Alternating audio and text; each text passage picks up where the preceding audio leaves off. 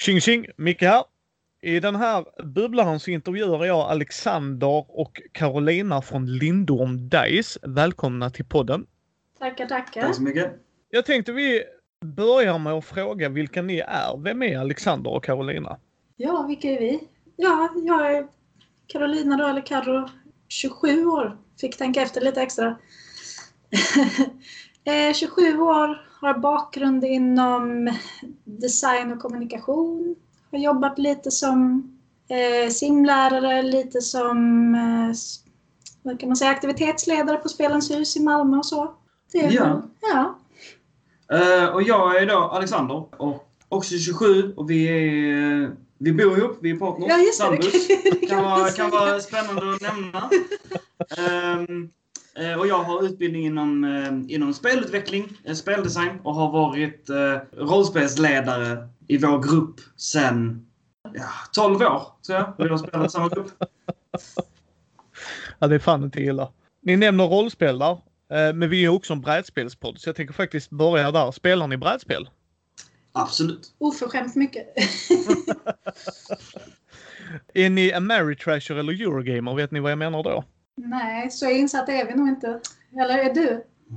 Nej, vi har en, eh, hela hyllan är full med brädspel, men vi sitter bara hemma. Ameritrash är ju mer är man intresserad av det tematiska i spelet. Alltså det läggs mer Ah. fokus på tema. Medan Eurogamer som jag är, tema smema, så länge jag får putta kuber och få en mekanik. Men det sagt så gillar jag fortfarande ett tematiska spel. Till exempel Mansion of Madness är ju ett väldigt Ameritrashigt. Det är otroligt tematiskt spel. F- Grov pensel här gott folk. Ja, Ja. precis. Då är ju, jag skulle nog säga att jag är mer av en Eurogamer. I så fall, du är nog... Jag vet inte vad skulle du säga att du själv är? Alltså jag, jag ter mig ju till wargames, strategispel av hög rang liksom. Så det är där jag landar. Det är mycket uh, putta kuber för min del och räkna och tänka. Ja, och jag, jag hamnar nog i samma med en och annan avstickare till eh, typ bluffspel och sånt kanske. Mm. Tema är ju ett stort plus. Eh, ett av våra favoritbrädspel är ju uh, Root. Som är ett väldigt taktiskt spel men som har väldigt mycket söt grafik och en väldigt behaglig stämning liksom. Ja, jag har spelat Root. Så att det kan jag hålla med om. Ni nämnde ju rollspel. Så då antar jag att ni spelar rollspel dels för att ni gör tärningar. Jag hade varit sjukt förvånad annars. Ja, nej, den, den kan vi tyvärr inte bidra med, utan rollspel kom först. Ja. Är ni rull eller rollspelare? I, igen här så känner jag, eh, är rull eh, mer ehm, att vi rullar tärningar då? Och Yes. roll är mer att vi spelar? Ja, det, det är grov pensel på det, men ja. Ja, precis, precis. Roll. Roll skulle Det- jag också säga. Det blir ju... Eh, vi är ju en, ganska, vi är en grupp på nio personer oftast. Vi brukar spela med samma gäng. Och vi- där är vissa som tycker väldigt mycket om att ehm, rulla sina tärningar så ofta de kan. Men båda vi två föredrar väl mer de sociala intrigerna i rollspel. Ja. precis.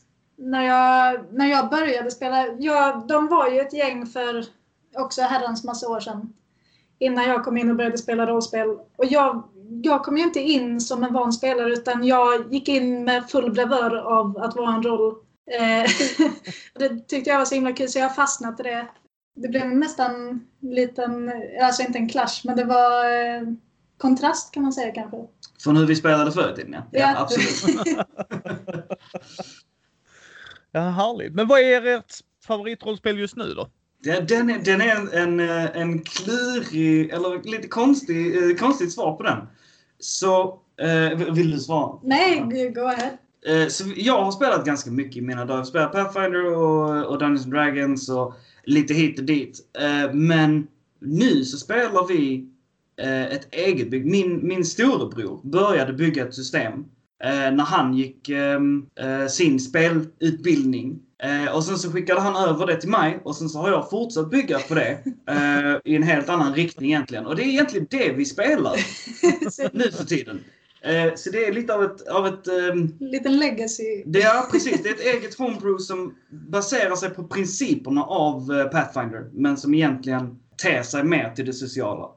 Eh, som vi idag kallar korsvägar, som vi kanske kan ha en annan intervju sen om, om ett år eller så förhoppningsvis.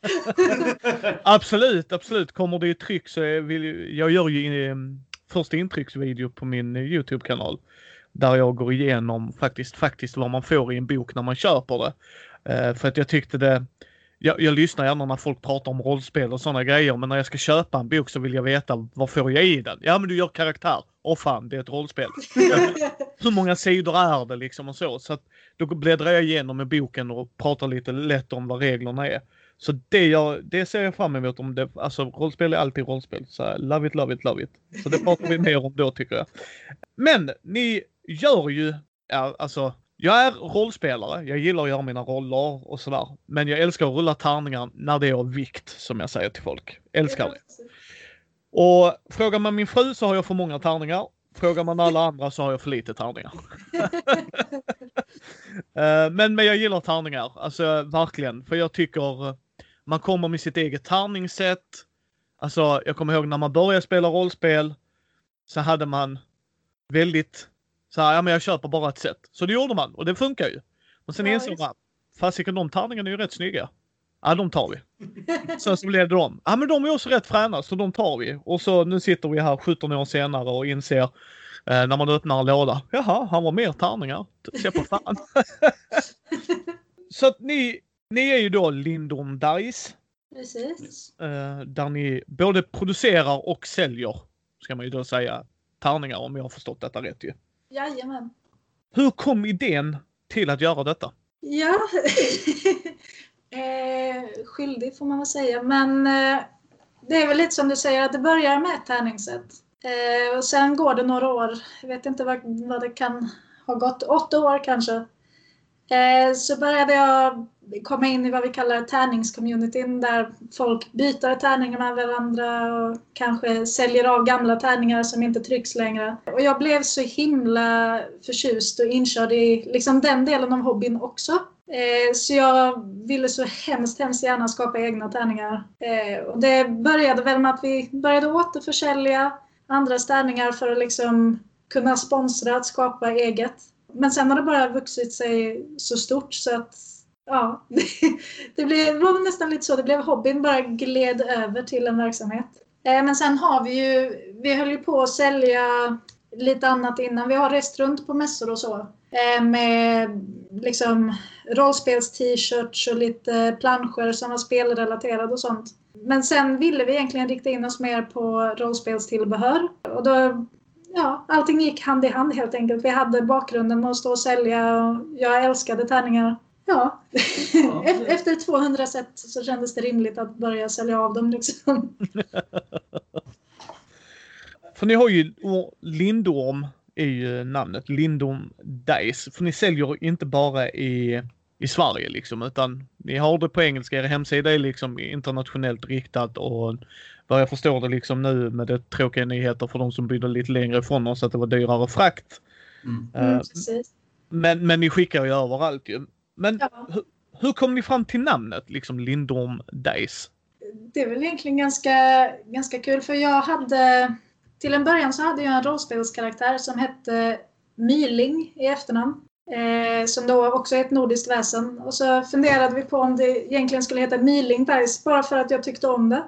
Men sen så la vi upp en, en röstning kan man säga på Facebook där de som redan följde oss lite sen innan fick lov att välja vilket namn de tyckte var finast. Eh, och då var vi i valet och kvalet om det skulle heta Lindorm eller Myling.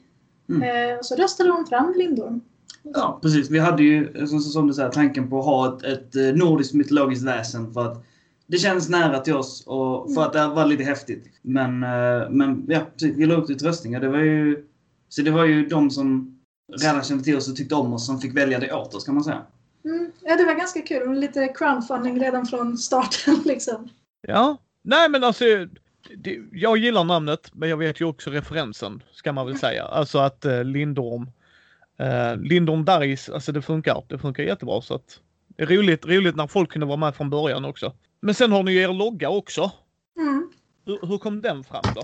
Vi har ju båda eh, bakgrund i design. Eh, mm. Så vi, vi ville ju att det skulle vara lätt att förstå vad det handlade om, så där skulle givetvis vara en tärning. Eh, och sen ville vi också att den, att den skulle sticka ut och representera oss. Och då tänkte vi att eftersom lindormar ofta biter sig själva i svansen i vissa sagor och så, så tyckte vi att det vore kul om lindormen eh, ringlade sig runt tärningen som om, ja det här blir flummigt, men som om tärningen representerade världen. Ja. Om du förstår vad jag menar, så att den liksom ligger runt världen. Ja, ja, jag är med dig. Jag är med dig. Så det var väl tanken egentligen att eh, klämma in lite mer mytologi egentligen. Och, Ja. ja. Ja, men den är, alltså den sticker ju ut. Alltså, när man väl ser den så förstår man ju den och som du säger, liksom, eh, kan man lite om Lindormen till exempel i eh, nordisk mytologi, alltså eh, vad heter det, Tors ärkefiende vill jag för mig det va? ja Den säger, precis. ja, den sägs ju bita sig själv i svansen. Mm. Men ni har gjort en Kickstarter redan. Ni har en igång just nu i inspelande stund. Eh, Den kommer tyvärr vara över när jag sänder detta. Jag ska påminna om det när vi spelar in nyheterna imorgon också. Eh, Men ni, ni gjorde ju en först och den gick väldigt bra. ja. Ja, verkligen. Och denna verkar gå jättebra också. Men varför Kickstarter? Alltså det är ju... ehm, Det finns ju två, två svar på det kan man säga. Det ena svaret är ju, eh, för min del i alla fall, eh, det ena svaret är ju att eh, det ger oss en möjlighet att producera mer. Så för att- producera tärningar är ganska, ganska dyrt. Man måste köpa en väldigt stor upplaga. Så genom att kolla, genom att se om folk är intresserade genom en crowdfunding-tjänst så får vi möjligheten att producera fler coola grejer. Eh, och det är ju företagsbiten av det. Vi hade inte kunnat producera den här mängden tärningar från kapitalet vi hade när vi började. Och sen den andra biten för mig är ju att jag har alltid tyckt att Kickstarters är väldigt roliga att besöka och backa och jag tycker det är spännande och vi i alla fall, ja, vi ville skapa någonting som var spännande och kul. Någonting liksom som communityn kunde tycka om. Och en Kickstarter tyckte vi var ett väldigt, sätt, väldigt festligt sätt att göra det och bra start på företaget. Mm. Det blev lite som en, eh, att skapa en interaktiv upplevelse för kunderna. Liksom. Ja. Nej, och det är, ju, det är ju som du säger att när man kan se hur många, vad är det de vill åt. Alla de grejerna gör ju det liksom väldigt, väldigt, väldigt, alltså det är ett bra medel. Det, det kan jag förstå, absolut. Men hur, eftersom ni är då internationella, Mm. hur, hur, var, var är publiken störst? Är det vi svenskar som köper mest av er eller är det all over the place så att säga? Vi har ju kunder på jättemånga ställen men det är absolut övervägande USA. Eh, mm, faktiskt. För att jag tror mycket handlar om att den här tärningscommunityn som samlar och byter tärningar eh, är till största delen i USA. Eh, så jag, jag tror att det är de vi har lättast att nå ut till. Men sen är det nog svenskar efter Det, USA. det, det är definitivt svenska efter det. Nu har jag inte exakta siffror här, men det ligger någonstans runt kanske 50% USA, 30% Sverige och sen resterande 20% eh, resten av världen. Ungefär något sånt. Ja. Ja, ja, ja, ja, ja. Men det, det, det är väldigt fascinerande just att de skickar, för att skicka från Sverige till USA. det- Ja, jag vet inte Sören vad frakten är, men det är ju bara ett hassle att skicka inom Sverige ju. Ja, Eh, så, så jag gissar på att ni har fått verkligen göra er efterforskning och kolla, för just frakt är ju en sån grej när man eh, liksom skickar punkt. Ja, men så, Ja. eh, men hur, hur nådde ni ut till jänkarna då? Ja, det är väl i... Om jag återvänder till det här med, med samlarna, att det var väl... Om man har nästlat sig in i communityn och liksom pratar dagligen om, om någon har hittat en ny gammal tärning i affären häromdagen och så har man liksom pratat i ett år eller två med alla de här gamla goa samlarna och sen om man startar ett nytt så blir det liksom en så himla god känsla som om det är någon som startar ett företag, varken i Sverige eller i USA, så är alla väldigt positivt inställda. Det är bara mer tärningar liksom. Eh, Så allting har varit väldigt eh, nästan vänskapsbaserat fast i den här samlarcommunityn skulle jag vilja säga. Vi fick ju mycket hjälp också av andra nystartade tärningar eh, i USA och Kanada som eh, Ice Cream Dice som har gjort tärningar baserade på olika eh, glassmaker. Eh, de blev ju bra vänner med oss och hjälpte oss i början och hjälpte oss nu ut eh, i USA och Kanada framförallt. Mm, precis. Och sen har vi fått göra, vi har fått ha giveaways med Sweden Rolls till exempel som har hjälpt oss att komma ut mer i Sverige. Ja. Och sen har ju SF-bokhandeln också varit jättestor hjälp när vi började. Mm. Eh, Så vi, det har varit många liksom, goa människor som egentligen har hjälpt oss att komma igång. Ja, ja men det, det, det glädjer mig. Mer tärningar till folket. Men hur ser processen ut när ni ska göra tärningar? Var börjar ni någonstans? Ja, det är nog lite olika varje gång. För jag tror vi börjar på lite olika sätt. Ja, ja det gör vi. Hur skulle du säga att du börjar? Ehm, så jag brukar, eh, nu har vi skapat, eh, de senaste två kickstarterna är ju de där vi har skapat som absolut flest tärningar. Och de tärningarna är ju eh, karaktärsbaserade, de är baserade på mytologiska väsen och gudar. Eh, och då blir det väl en kombo för mig att jag börjar tänka på vad hade passat till den här karaktären? Delvis såklart. Och sen tänker jag också på vad har jag inte sett i en tärning för? Vad har jag inte sett så mycket av? Och den här nya kickstarten så har vi ju tärningar som är blandade transparenta färger och opaka, det vill säga eh, färger som man inte kan se igenom. Eh, som är blandade med varandra. Och det, var, eh, och det har jag inte sett mycket av. Ja, men då kan det vara kul att ta vi det här och sen så försöker vi designa dem så att de ser ut som eh, essensen av de här karaktärerna. Så eh, Surtur, eldguden liksom kan vara, eller eldtitanen kan vara liksom röd och gul och orange och så här. Ja. Ja. ja, och jag är väl lite mer åt kanske lite flummigare hållet. Vi har ju två tärningar som också är baserade på eh, våran, våran nuvarande rollspelskampanj som är ett homebrew. Eh, och det är Blood Oath och Soul Guide. Och sånt tycker jag jättemycket om att plocka fram. Att, ah, men kan vi inte göra ett tärningssätt baserat på det här som vi tycker så himla mycket om? Eller... Jag blir väldigt personligt inriktad. Och sen får du kanske hejda mig lite grann och säga ja men det där kanske kanske inte kommer gå så bra eller det kanske redan finns liknande. Men, för jag tänker mig, det, det här, jag, jag är väldigt fascinerad just om uh, The Bits and Bobs. För hur lång tid tar det att göra ett set tärningar så att säga? Från idé till att vi får dem i handen. Ja. Det, det beror lite på vilken fabrik du pratar med har vi märkt. Men optimalt så tar det väl två månader kanske. Mm. Eh, Men har man otur som vi har märkt så kan det ta uppemot ett halvår innan man får eh, sitt sample i handen. Eh, Ja. men, men två månader, det skulle jag nog säga. Vi tar väl några veckor på oss och liksom planerar hur vi vill att det ska se ut. Alltså inte i hela arbetsdagar då utan vi tänker över det. Eh, och sen när vi har skickat in det så tar det kanske en och en halv månad för fabriken att få färdigt tärningen. Ja. Men vad, vad, är, vad är det som kan gå fel i, just i den processen? Oh. Det har vi lärt oss. Det är en hel del grejer som kan gå fel. Det är ganska mycket som kan gå fel. Så ehm, eh, jag tänker ta några tänker jag, så kan du fylla på om du har fler. Absolut. Så delvis så kan det vara ibland svårt att kommunicera sina idéer. Vi brukar skicka med bilder och beskrivningar och eh, alltså, eh, illustrationer på vad vi vill ha och vad vi menar. Eh, och det är inte alltid det blir rätt. Så när vi får samplesen så kan de ha valt andra färger eller ett annat typ av mönster eller liknande.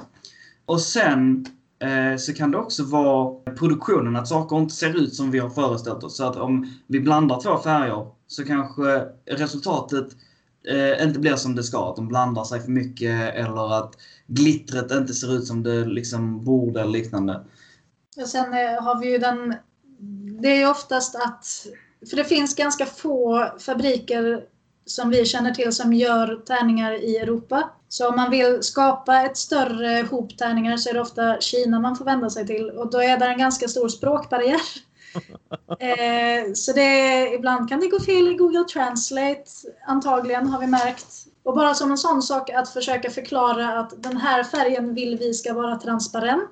Eh, den kan vara klurig.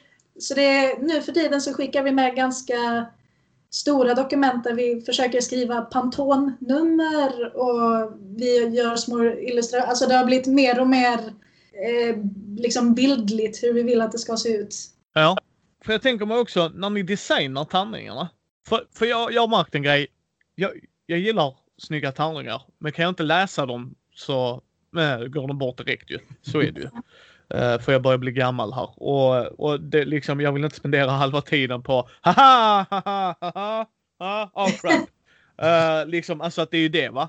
Men samtidigt så vill man ju ha snygga tärningar. Liksom. Men hur, hur går er process till där? Ja, vi är väl...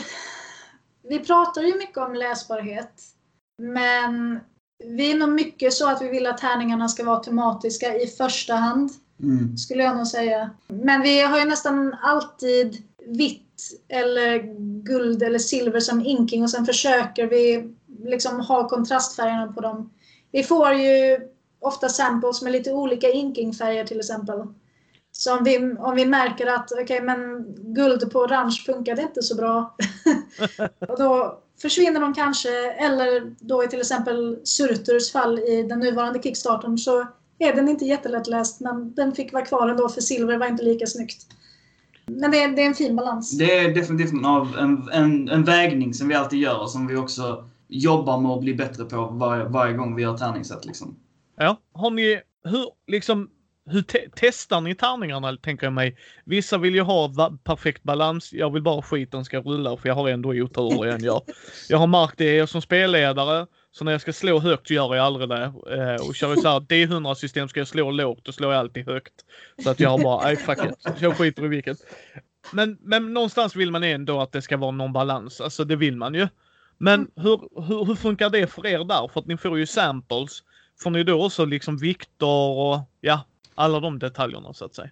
Så, så länge, vill du ta detta förresten? Eller? Uh, sure, sure. sure. Um, så vi jobbar ju oftast med större fabriker um, i, i Kina eller Storbritannien och de producerar ju tärningar. Vi, vi får vikter och sen är de ju också Många, de producerar många av de tärningar som säljs i butik också, så det är ju butiksstandard på det så att säga. Eh, men någonting som åtminstone jag eh, försöker undvika när vi designar tärningar, det är att ha saker av olika densitet i. Så vi försöker alltid, alla material som blandas in i tärningarna, försöker vi ha samma densitet, det vill säga tyngd till volym. Så att även om vi blandar in olika saker så blir det en jämn tyngdfördelning. Sen kan det hända att vi har i glitter, men glitter tar inte upp någon plats och väger ingenting. Så vi försöker undvika att ha kanske små stenar eller små plastdödskallar eller den typen av grejer. Just för att underlätta den balansen så att vi vet att det kommer bli, så länge formen är bra, vilket den är, så kommer det bli en, en, en random tärning. Liksom. Det kommer bli en tärning som har um, slumpen med sig. Liksom. Mm, precis. Men så, ja. Ja. Ja. Mm. ja. Nej, nej, men det, det, det är roligt att höra liksom att för, att, för jag kan förstå det. Man vill ju inte ha viktade tärningar när man spelar. För då, då är det inga poäng att man spelar, tycker jag personligen i alla fall. Mm. Nej, nej, precis. Men har ni funderat på att göra tärningar till specifika rollspel? För vissa rollspel har ju alltså antingen tematiska tärningar eller eh, rent specifika tärningar. Jag tänker framförallt på håll till fria ligan för att det är det jag har eh, som poppar upp nu i huvudet ju. Men har ni funderat på det? Eh, tanken har slagit oss eh, och det hade varit jätte, jätteroligt att få lov att göra. Nu har vi ju egentligen just kommit igång med vårt eget så vi har inte undersökt den biten jättemycket. Vi har varit med och gjort tärningsdesigns till en annan Kickstarter. Eh, men den är inte lanserad än så jag ska inte prata så mycket om det. Men annars så har vi väl vi försöker hålla det så standard som möjligt just nu. Men om det hade kommit ett rollspel som ville att vi skulle hjälpa till med att skapa tärningar till dem så hade vi givetvis sagt ja. Men annars, om, om ingen frågar, så, så har vi mycket. Med vårt, vårt eget just nu, Precis. absolut. Ja, men där är ju också tärningar till brädspel. Har ni funderat på det? Eh, ja, vi, men nu, ja, du, vi, vi försöker ju som sagt skapa lite eget här hemma, mycket prototypande. Men annars... Annars är det väl i, i samma båt. Just nu så försöker vi eh, få upp vår, vår bas. Det är där vi lägger vår energi på att få upp våra rollspelstärningar och få ut dem i världen. Men det är också någonting som vi jättegärna hade gjort. Så om, om, om någon hade tagit kontakt med oss och frågat så hade vi varit mer än glada och skapat i brädspel också. Mm. Ja. Man, får ofta frågan från så släkt och vänner om när ska ni börja sälja någonting mer än tärningar? så, men det ligger väl i framtiden, tänker jag. Ja, nej men jag tycker det, det är liksom intressant, alltså för att ja, alltså det, tärningar är ju med, men för ni säljer ju eh, när jag tittade på er hemsida liksom, ni, ni har metalltärningar också. Uh, jag gillar metalltärningar. Jag har en sån hatkärlek till det. Uh, jag backade Q-workshops till Call of Cthulhu. Metalltärningar. Och de var riktigt snygga men du kunde inte se jack shit på dem. Och då, då beats the purpose återigen. Jättesnygga tärningar, jag har dem i min fina trälåda och det men jag använder dem Aldrig. Sen har jag sådana billiga Kina som någon polare beställde. De hade ju sylvassa kanter. Eh, Det var inte så jättebra det heller märkte jag. Men, men ni har ju det. Samtidigt som ni då har era andra. Men jag märkte, och det är inte bara ni som gör det, för det märker jag liksom. För att de säljs ju antingen med de sju, eller nu ska vi se. Ja, det är standard det är väl sju.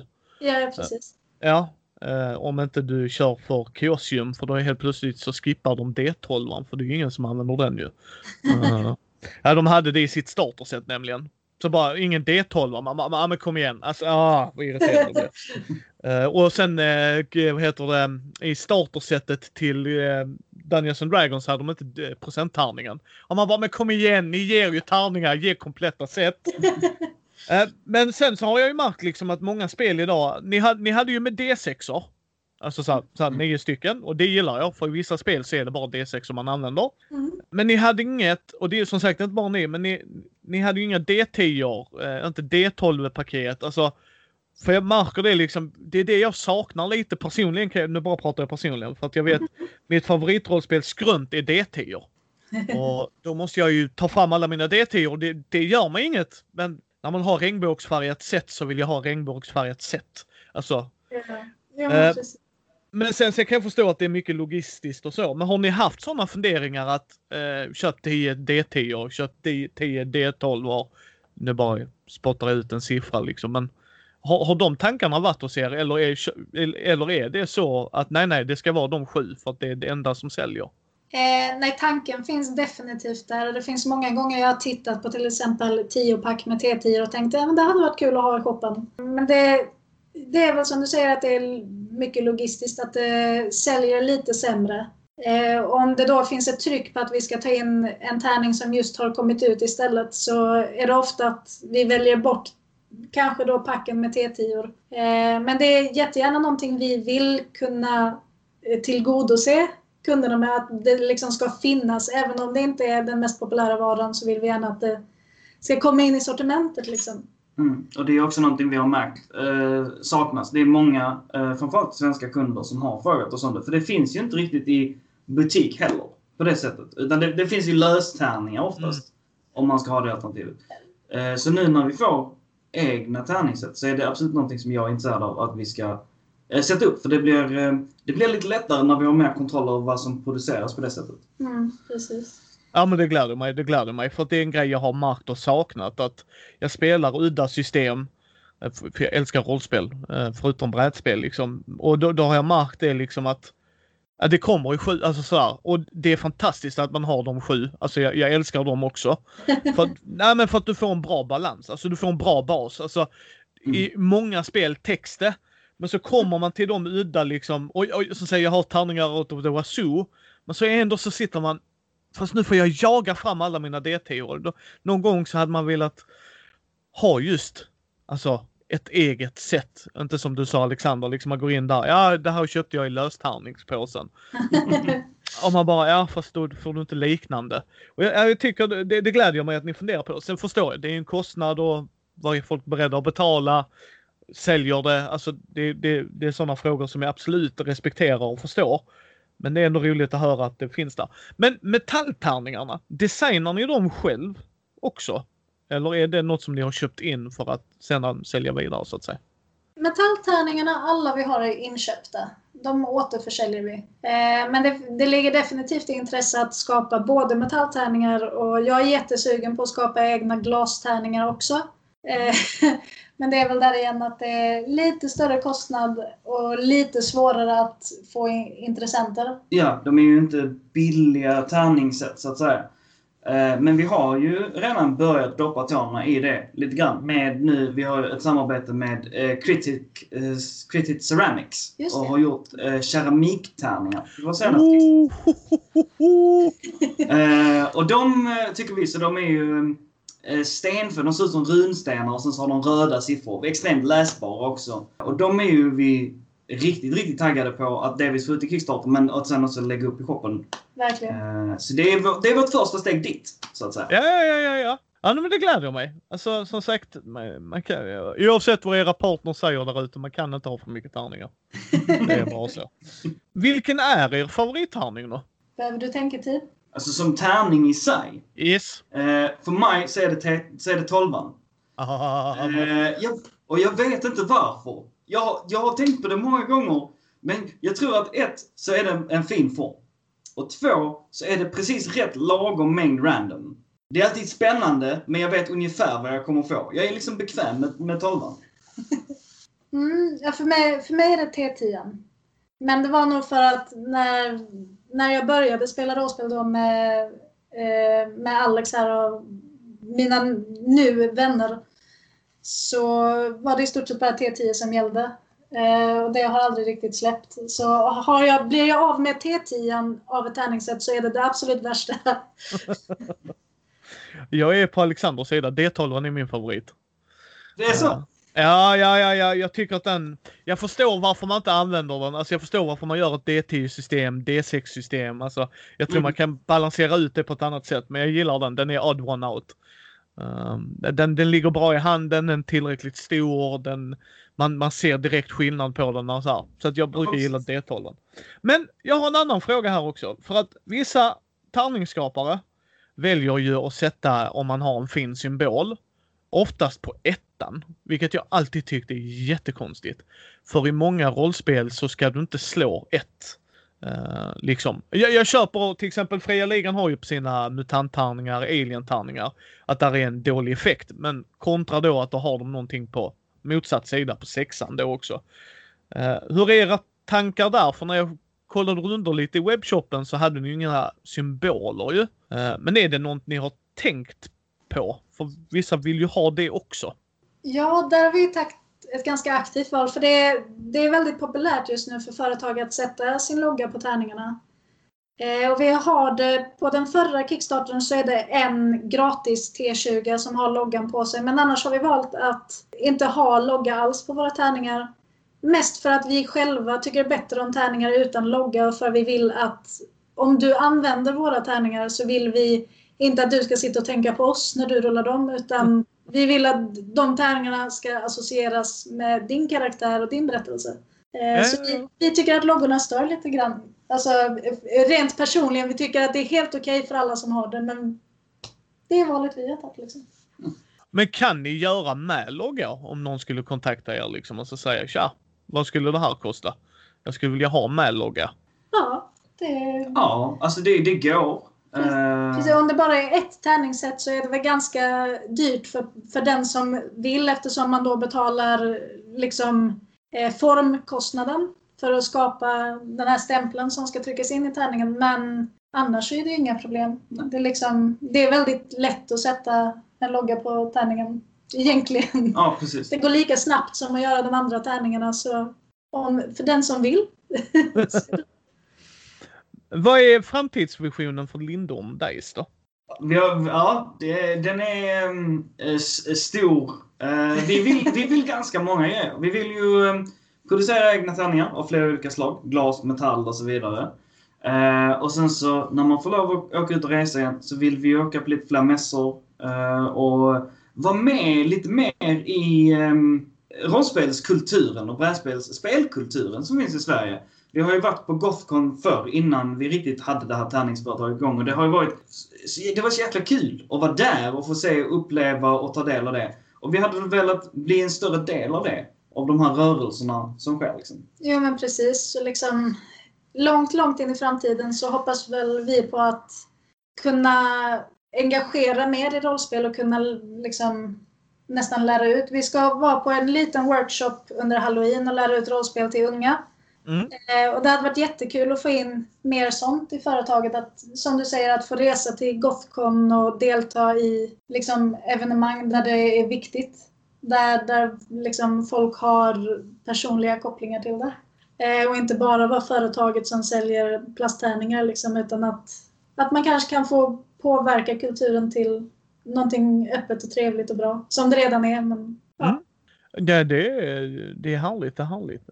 Jobbar ni det här heltid eller har ni andra grejer vid sidan om? Det Eh, fram tills väl, eh, Carro har jobbat med det i lite över ett år heltid nu. Och jag har haft ett deltidsarbete och sen så har det blivit mer och mer att jag har hjälpt till med företaget för det har blivit större och det blir mer att göra. Och nu för två dagar sedan så avslutades min, min anställning. Av, av att jag tog det valet helt enkelt. Jag kände att, att arbetet som jag hade passade mig inte längre och företaget har tagit upp så mycket eh, tid för oss båda så att, och producerar så mycket, det går runt så pass väl, så att vi kanske kan eh, jobba med det båda heltid. Nu. Det är det vi håller tummarna för i alla fall. Eh, och vi, så vi får se, vi ska ge den test nu i, fram tills nästa år. Och så förhoppningsvis så kan vi jobba med det båda heltid eh, 2021 och framåt. Vi håller tummarna. Ja. Eh, tänkte innan vi börjar avrunda här så att ni ska få återgå till era bekvämligheter så här på kvällskvisten. Vad var överraskningarna för er när ni började göra tärningar? Alltså det man inte tänkte sig. Man kan ju ha en vision, ni verkar vara kreativa människor bägge två. Jag är också kreativ och sen kommer man till exempel när jag började göra podden. Så tänkte jag, ja men prata kan jag. Jepp Micke, det är du jätteduktig på. Redigera. Åh, oh, oh, vad jag har fått respekt för folk som sitter och redigerar. I shit you not. När någon sitter och jag redigerar. Åh, du är min hjälte. Alltså, eh, om, om vi säger ett avsnitt som tar en timme, det tar mig två timmar att redigera. Alltså det ska sitta och skriva vad vi pratar om, vad vi nämner för spel och sådana grejer. För att det är en grej jag själv märker liksom, nu har de nämnt ett spel, vad var det? Så glömmer man bort det. Så just den biten slog mig till exempel. Det är bara ett exempel. För er, vad var det liksom? Hmm. För min del, Alex har säkert eh, en egen, men för min del så var det att kommunicera med fabrikerna och dessutom att inte trampa någon på tårna. för det, eh, det är en ganska... Det är egentligen bara en till tre fabriker i Kina som gör alla tärningar i stort sett. Och det är väldigt många olika företag som slåss om att få tid för att göra samples och för att liksom, kom, liksom att komma överens med alla i, i hobbyn, alla som säljer. För alla företagen som säljer tärningar har ju koll på varandra. Eh, och man, man vill ju liksom ha det så trevligt och mysigt som möjligt. Eh, och det var en mycket större utmaning än vad jag trodde att det skulle vara. Det är mycket samarbeta med varandra och mycket hålla koll på vad andra skapar så att man inte råkar skapa någonting åt samma håll som de skulle kunna ta illa upp av. Eh, och det, det har varit en stress för mig. Jag tycker det är jättejobbigt. Jag tycker inte om konfrontation. Så den, den är svårast för mig. Ja, det har, ju, det har ju också blivit, det har ju blivit bra. Det har ju gått bra. Men det har varit svårt. Det har varit eh, en, en lärdom, absolut. Och för mig så är det nog lite, lite som du säger att det är någonting jag har fått väldigt stor respekt för. Det är bokföring. Bara mängden pappersarbete och tänkande och registrering som behövs när man säljer och köper från utlandet. Och är det utanför EU, är det i EU, och är det i Sverige och är det utanför Sverige och besökte de Sverige och sen åkte härifrån. Och alltså, lagarna och reglerna kring det har varit spännande och utmattande. Eh, absolut. Ja, herre min skapare. Ja, nej, det, det är som sagt, det är därför vi, vi på Mindy tycker det är jätteroligt att ha folk som gör olika grejer. För just att jag fascineras över, man, man får gärna ha en åsikt, det säger jag aldrig någonting om. Men när man läser, jag älskar, jag är en nyfiken människa så jag, jag eh, kommer alltid vara frågvis liksom och så. Och jag är då oftast för att jag fascineras över, som, som jag sa lite innan, off mic tror jag det var, att jag har suttit och intervjuat folk som gör rollspel. Vissa liksom, nej det tog jag därifrån. En, en annan god vän till mig också, han, han speltestar inte alla sina grejer. Och för vissa är det att svära i kyrkan liksom. Så måste ju speltesta det. Han bara, nej det, det blir säkert bra det här. Uh, och, och det är det som blir så roligt när folk har en åsikt. Och kan bli så intressant liksom att, nej men det är bara att göra. Om man bara, ah!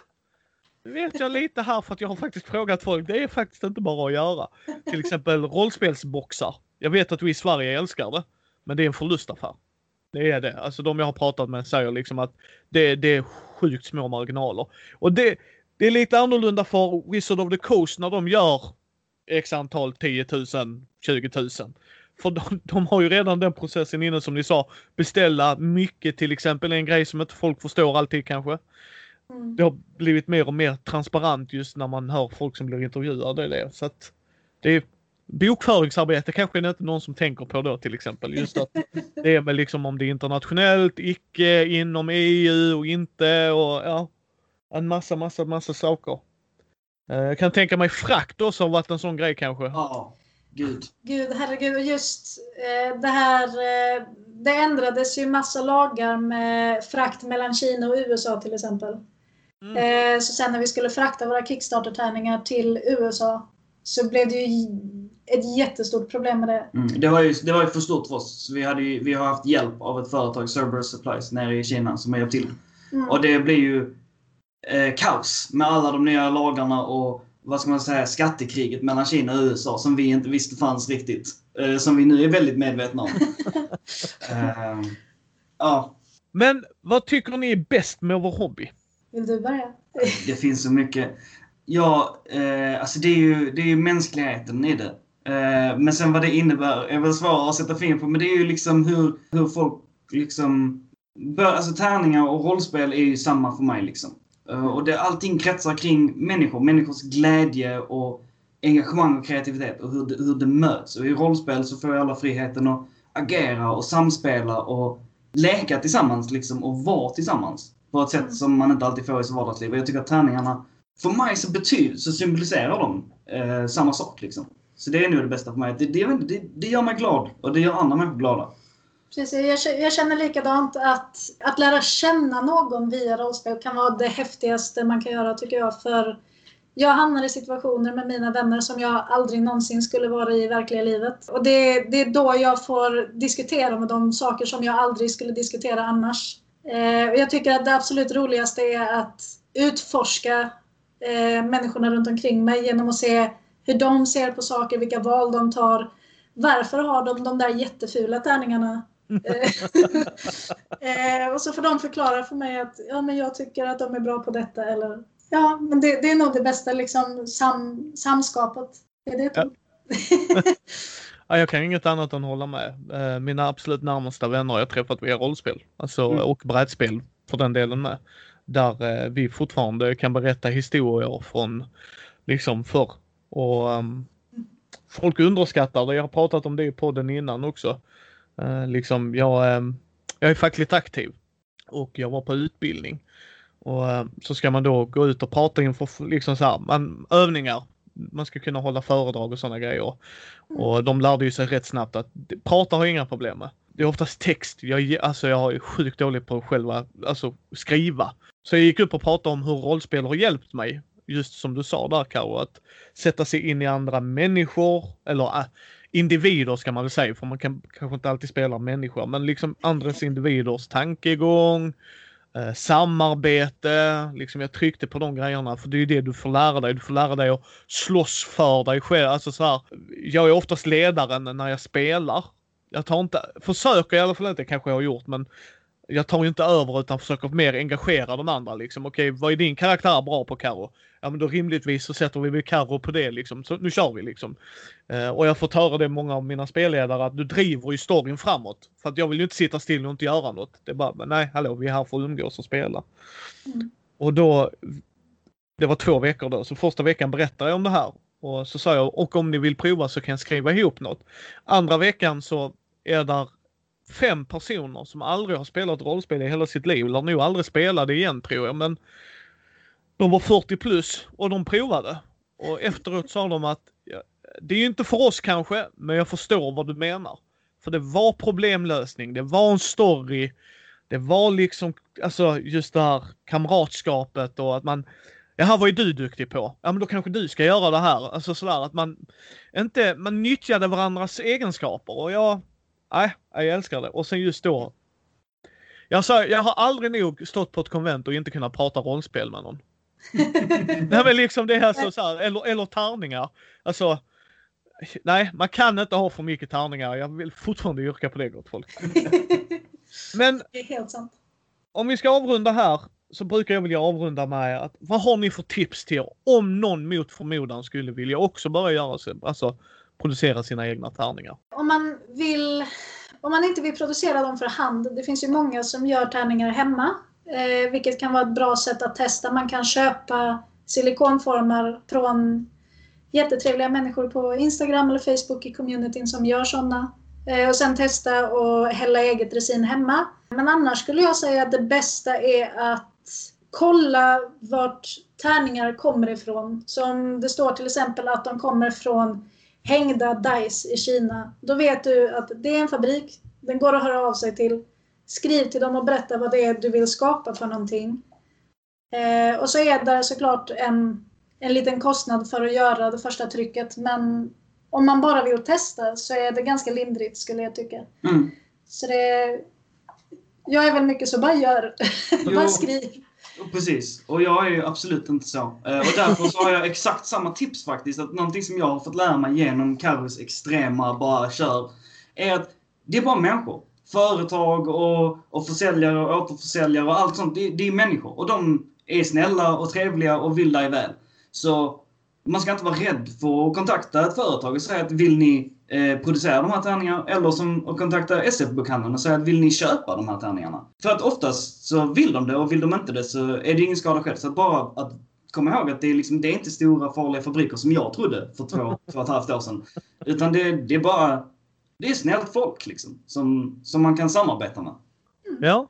Nej men det är härligt. Det är härligt. Jag hoppas folk tar jag tycker man ska gå efter det. Alltså brinner man för det som ni verkar göra och som jag gör för podden och jag gör ju den här podden för att sprida kunskap och kärlek. Alltså kunskap om det ni gör och eh, stort tack att ni vill vara med och sponsra julklappstävlingen som kommer ha nu här i december.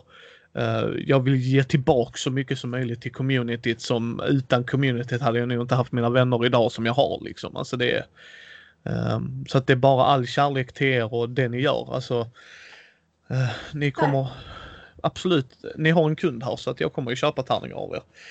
Jag ska bara övertala min fru som sagt att jag inte har för många. ja, tack snälla, det har varit jätte, jättekul att få vara här och det är alltid trevligt att få, få vara med och lotta ut priser till liksom, communityn. Och, ja. ja, det har varit jättetrevligt. Det har varit jätte, jättekul. Ja, Nej, men då, då håller vi tummarna. Som sagt, er Kickstarter är ju i hamn. Uh, jag ska nämna det igen på våra nyheter.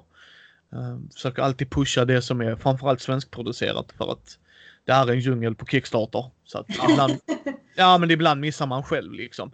Och bara, har du sett denna Kickstartern? Bara, hur fan kan jag ha missat denna? Jag fattar inte det. Uh, så det är jättekul. Och Alltså jag bara ser fram emot vad ni gör mer. Keramiktärningarna är jag ju på direkt. Det kan jag ju säga, för det har jag inga än. Så att all, all, all lycka till er och jag hoppas att fortsatta och hoppas att ni når i mål så att ni kan jobba med det heltid 2021.